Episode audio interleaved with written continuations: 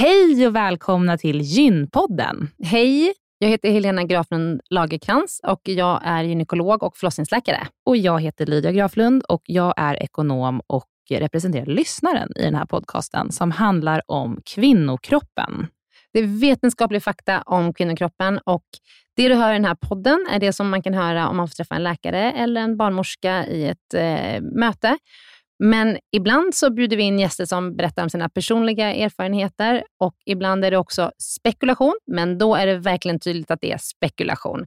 Annars är grunden för den här podden vetenskaplig fakta om kvinnokroppen. Så är det. Hoppas att ni vill lyssna. Välkomna.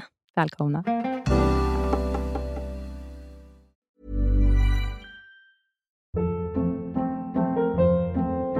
Hold up. What was that? Boring. No flavor. That was as bad as those leftovers you ate all week. Kiki Palmer here, and it's time to say hello to something fresh and guilt-free. Hello Fresh. Jazz up dinner with pecan-crusted chicken or garlic butter shrimp scampi. Now that's music to my mouth. Hello Fresh. Let's get this dinner party started. Discover all the delicious possibilities at hellofresh.com.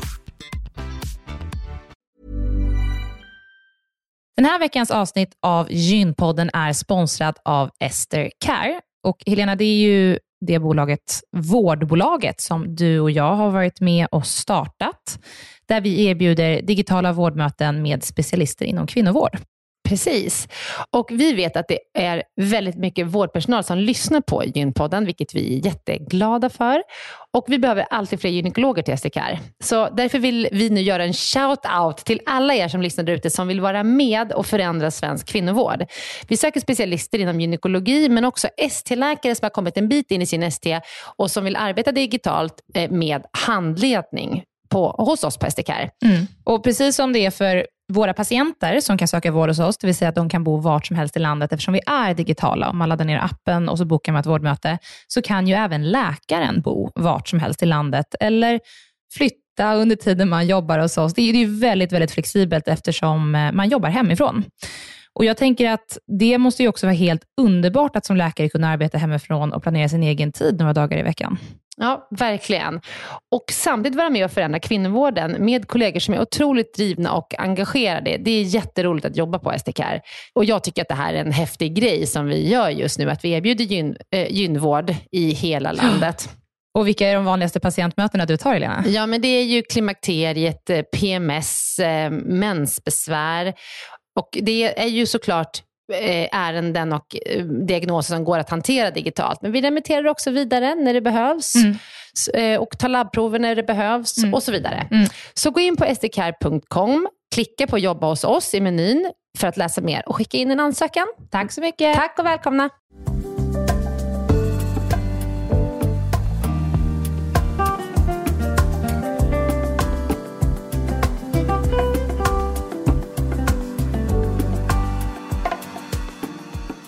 Välkomna till dagens avsnitt av Gympodden svarar med Dr. Helena och barnsjuksköterskan Marie från Knodd. Hej, hej.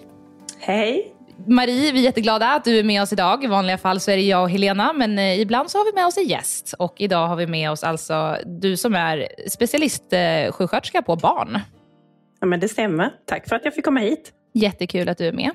Den frågan som vi har fått in och som jag tänker att vi ska, ni ska få berätta svaret på är vad är kolik och vad kan man göra för att hjälpa sitt barn om man tror att den har det?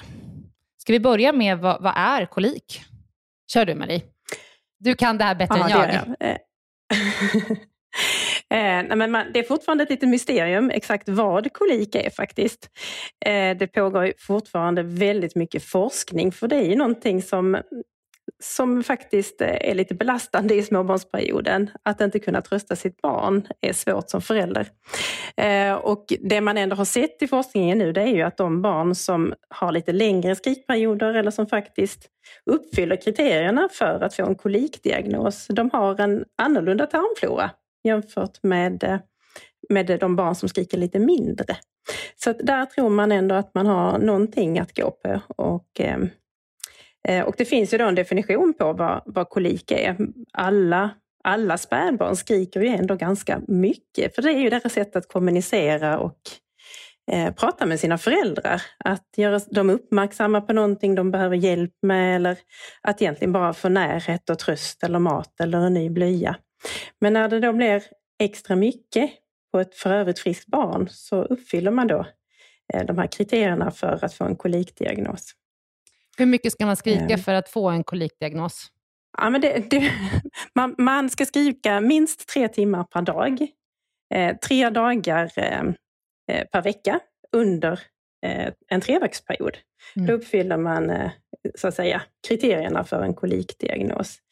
Eh, alla barn, genomsnittsbebisen skriker faktiskt eller gnyr ungefär 90 minuter genomsnitt per dygn. Så det är ganska mycket som de ändå kommunicerar med oss genom att gny eller skrika eller påkalla vår uppmärksamhet. Men det är ändå ja, men dubbelt så mycket som den ska skrika då, som, för att man ska börja tänka att det här börjar uppfylla en kriterier för att mitt barn har kolik. Mm. Men, ja, eh, man, ja, men det det. man har ju koll på vem av ens vänner som har haft ett barn som har kolik. Det är ju otroligt ja. eh, jobbigt för föräldrarna och hur det är för barnen, det vet vi ju inte. Nej, de kan men inte tänk att vara det. så liten och skrika i tre Absolut. timmar per dag. Mm. Alltså, det är ju mm. rätt energikrävande att skrika i tre timmar per dag. Mm. För vem som helst. Ja, för vem verkligen. som helst. Men det var intressant ja, det också. Jag, visst, jag visste inte att man hade sett förändringar i tarmfloran. Det är ju jätteintressant. Och det är mm. mycket forskning som görs nu som ändå ja. tyder på att det har med bakteriefloran. För vi har poddat tidigare om eh, saker som påverkar eh, människor eller kvinnor om man har en förändring i bakteriefloran i slidan. Och då är liksom det här ändå eh, också sammankopplat då med bakteriefloran. Men vad kan man som ja. förälder göra, Marie, för att hjälpa sitt barn?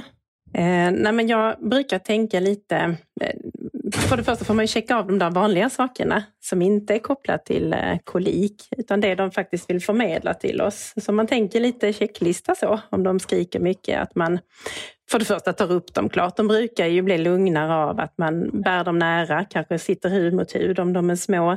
Byschar, vaggar, sjunger lite för dem. Eh, se till att det är lugnt runt omkring dem. Eh, att man försöker erbjuda mat om man tror att det är hunger, att man byter en blöja om man tror att det är den som stör dem. De kanske är trötta och behöver komma till ro och behöver hjälp med det. Eh, de kanske är för varma eller för kalla. Alltså de där vanliga sakerna som de ändå försöker förmedla till oss. Att man börjar checka av dem. Eh, och hjälper inte det så finns det ju andra råd som man kan ge. Eh, på tal om det här med tarmfloran så får ju många rekommendationer om att faktiskt ge lite magdroppar för att hjälpa tarmfloran på vägen. Eh, och det finns ju receptfritt på apoteket som man kan ge sitt barn. Och sen är det, man kan bjuda på lite babymassage, att massera magen. Det kan man få hjälp via BVC och få ehm, instruktioner i. Ett varmt bad hjälper vissa barn. Eh, att gå ut på en promenad. Många kolikbarn somnar ju faktiskt i vagnen där det skakar lite grann. Eh, många föräldrar är också ute och kör på nätterna i bilar för att få dem att somna och lugna sig. Och just det här vyschandet lite, det brukar lugna dem. Jag, ty jag, tycker vi hoppade över vad, vad symptomen för bebisen är, om man vet det. Är det att de har liksom ont i magen? Eller vad, vad, är, vad, är, vad innebär kolik för bebisen? Man tror ju att det är magen som gör ont och man tror ju att man är något på spåret med de här, den här annorlunda tarmfloran. Eh, ofta är de kanske också lite gasiga och lite pruttiga och så. så att, eh, att eh, när man ger dem mat, att man försöker rapa dem eh, lite oftare eller är nog, mer noga med att rapa dem så att de inte samlar på sig luft i magen. En del barn, eller en del barn mår bra av att använda en pysventil i samband med blybyten för att lätta lite på lufttrycket. För ofta är de också lite gasiga. Alltså det låter ju som att de har fått IBS. Ja, kanske IBS ja, för, för, barn, för spädbarn. Ja, det, alltså, det, det låter ju lite som det, eller det är den här ja. uppblåsta magen. Liksom.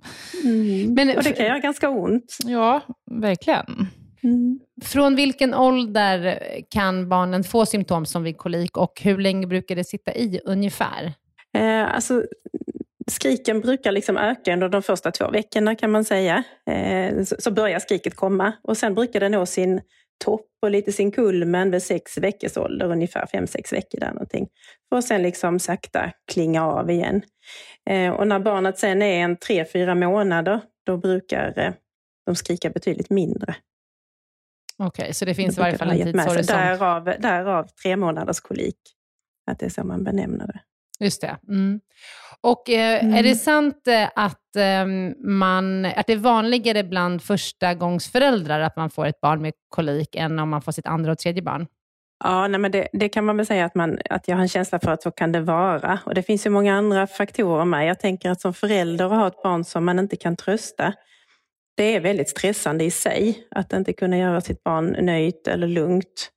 Eh, och första barnet så är det första gången som, som jag som förälder också gör mig de här erfarenheterna. Och första barnet är kanske där som man utvecklar lite strategier för att också klara det eller lugna sitt barn och så. Och när man då har barn nummer två eller nummer tre eller eh, flera barn i ordningen så har man kanske lite strategier att ta till för att faktiskt lugna barnet. Och blir då också mindre stressad och vet också att det ger med sig även om det är jättejobbigt när man befinner sig mitt i det.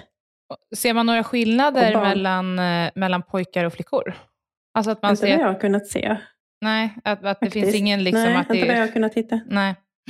Inte vad jag har kunnat hitta. Ja. Däremot så pratade jag faktiskt med en, eh, en forskare på barnveckan som eh, har, har en omvårdnadsforskare på området med spädbarnskolik. Och hon hade varit med och presenterat en studie där man faktiskt hade Eh, Eh, inte kunde se något samband under graviditeten med olika riskfaktorer.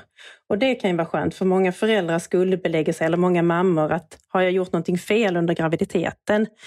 Eh, kunde jag gjort någonting annorlunda för att underlätta för mitt barn nu eller så? Det finns inga sådana kopplingar vad den senaste forskningen kan se i alla fall. Och inga kopplingar heller till om, om några av föräldrarna har några specifika allergier eller om man haft problem med mag. Alltså, alltså inte att man har sett någon, någonting som har som har med det att göra? Det framkom inte i den studien. Nej. Eh, det gjorde det inte. Och som sagt, det pågår ju studier hela tiden. För detta är något som är jobbigt för föräldrar ja. och för barnen givetvis. De har ju det allra värst. Men det är inte farligt, eller? Nej, det är ju ett övrigt friskt barn. Det är det. Eh, så att man ska ju, när barnen skriker så här mycket så ska man ju låta dem läkarundersökas för att utesluta så att det inte är Eh, nej, men någonting som kan behandlas helt enkelt. Ehm, så att man ska ju låta undersöka sitt barn innan man slår sig till ro med att det bara är kolik. Mm. Okay. Men och mm. Eh, du jobbar som barnsjuksköterska på KNOD. Kan man, hjälp, kan man få, söka hjälp för, om man tror att barnet har kolik, kan man söka hjälp hos er för det? Man kan alltid kontakta våra barnsjuksköterskor via appen, absolut. Och vi har också, ibland är det så att man behöver hjälp att hitta de här strategierna som förälder. Eh, och då kan man ju behöva bolla med en barnpsykolog och det, det har vi möjlighet att hjälpa till med det också. Mm. Kan man använda barnpsykolog på ett spädbarn? Ja, det kan man. Det, det är ju stöttande, vad kan man säga, man, man stöttar föräldrarna att hitta olika strategier. Så man, behandlar inte spädbarnet i sig, Nej. utan det är föräldrarna som får stöttning och coachning i sitt föräldraskap. Börja tidigt med självutvecklingen där. ja. Men tack så jättemycket. Vilka bra svar, Marie. Tack för eh, att du tog dig tid och svarade på de här frågorna mm. som vi hade. Tusen ja, tack. Tack själv. Tack själv. Tack. tack. He hej då. Hej.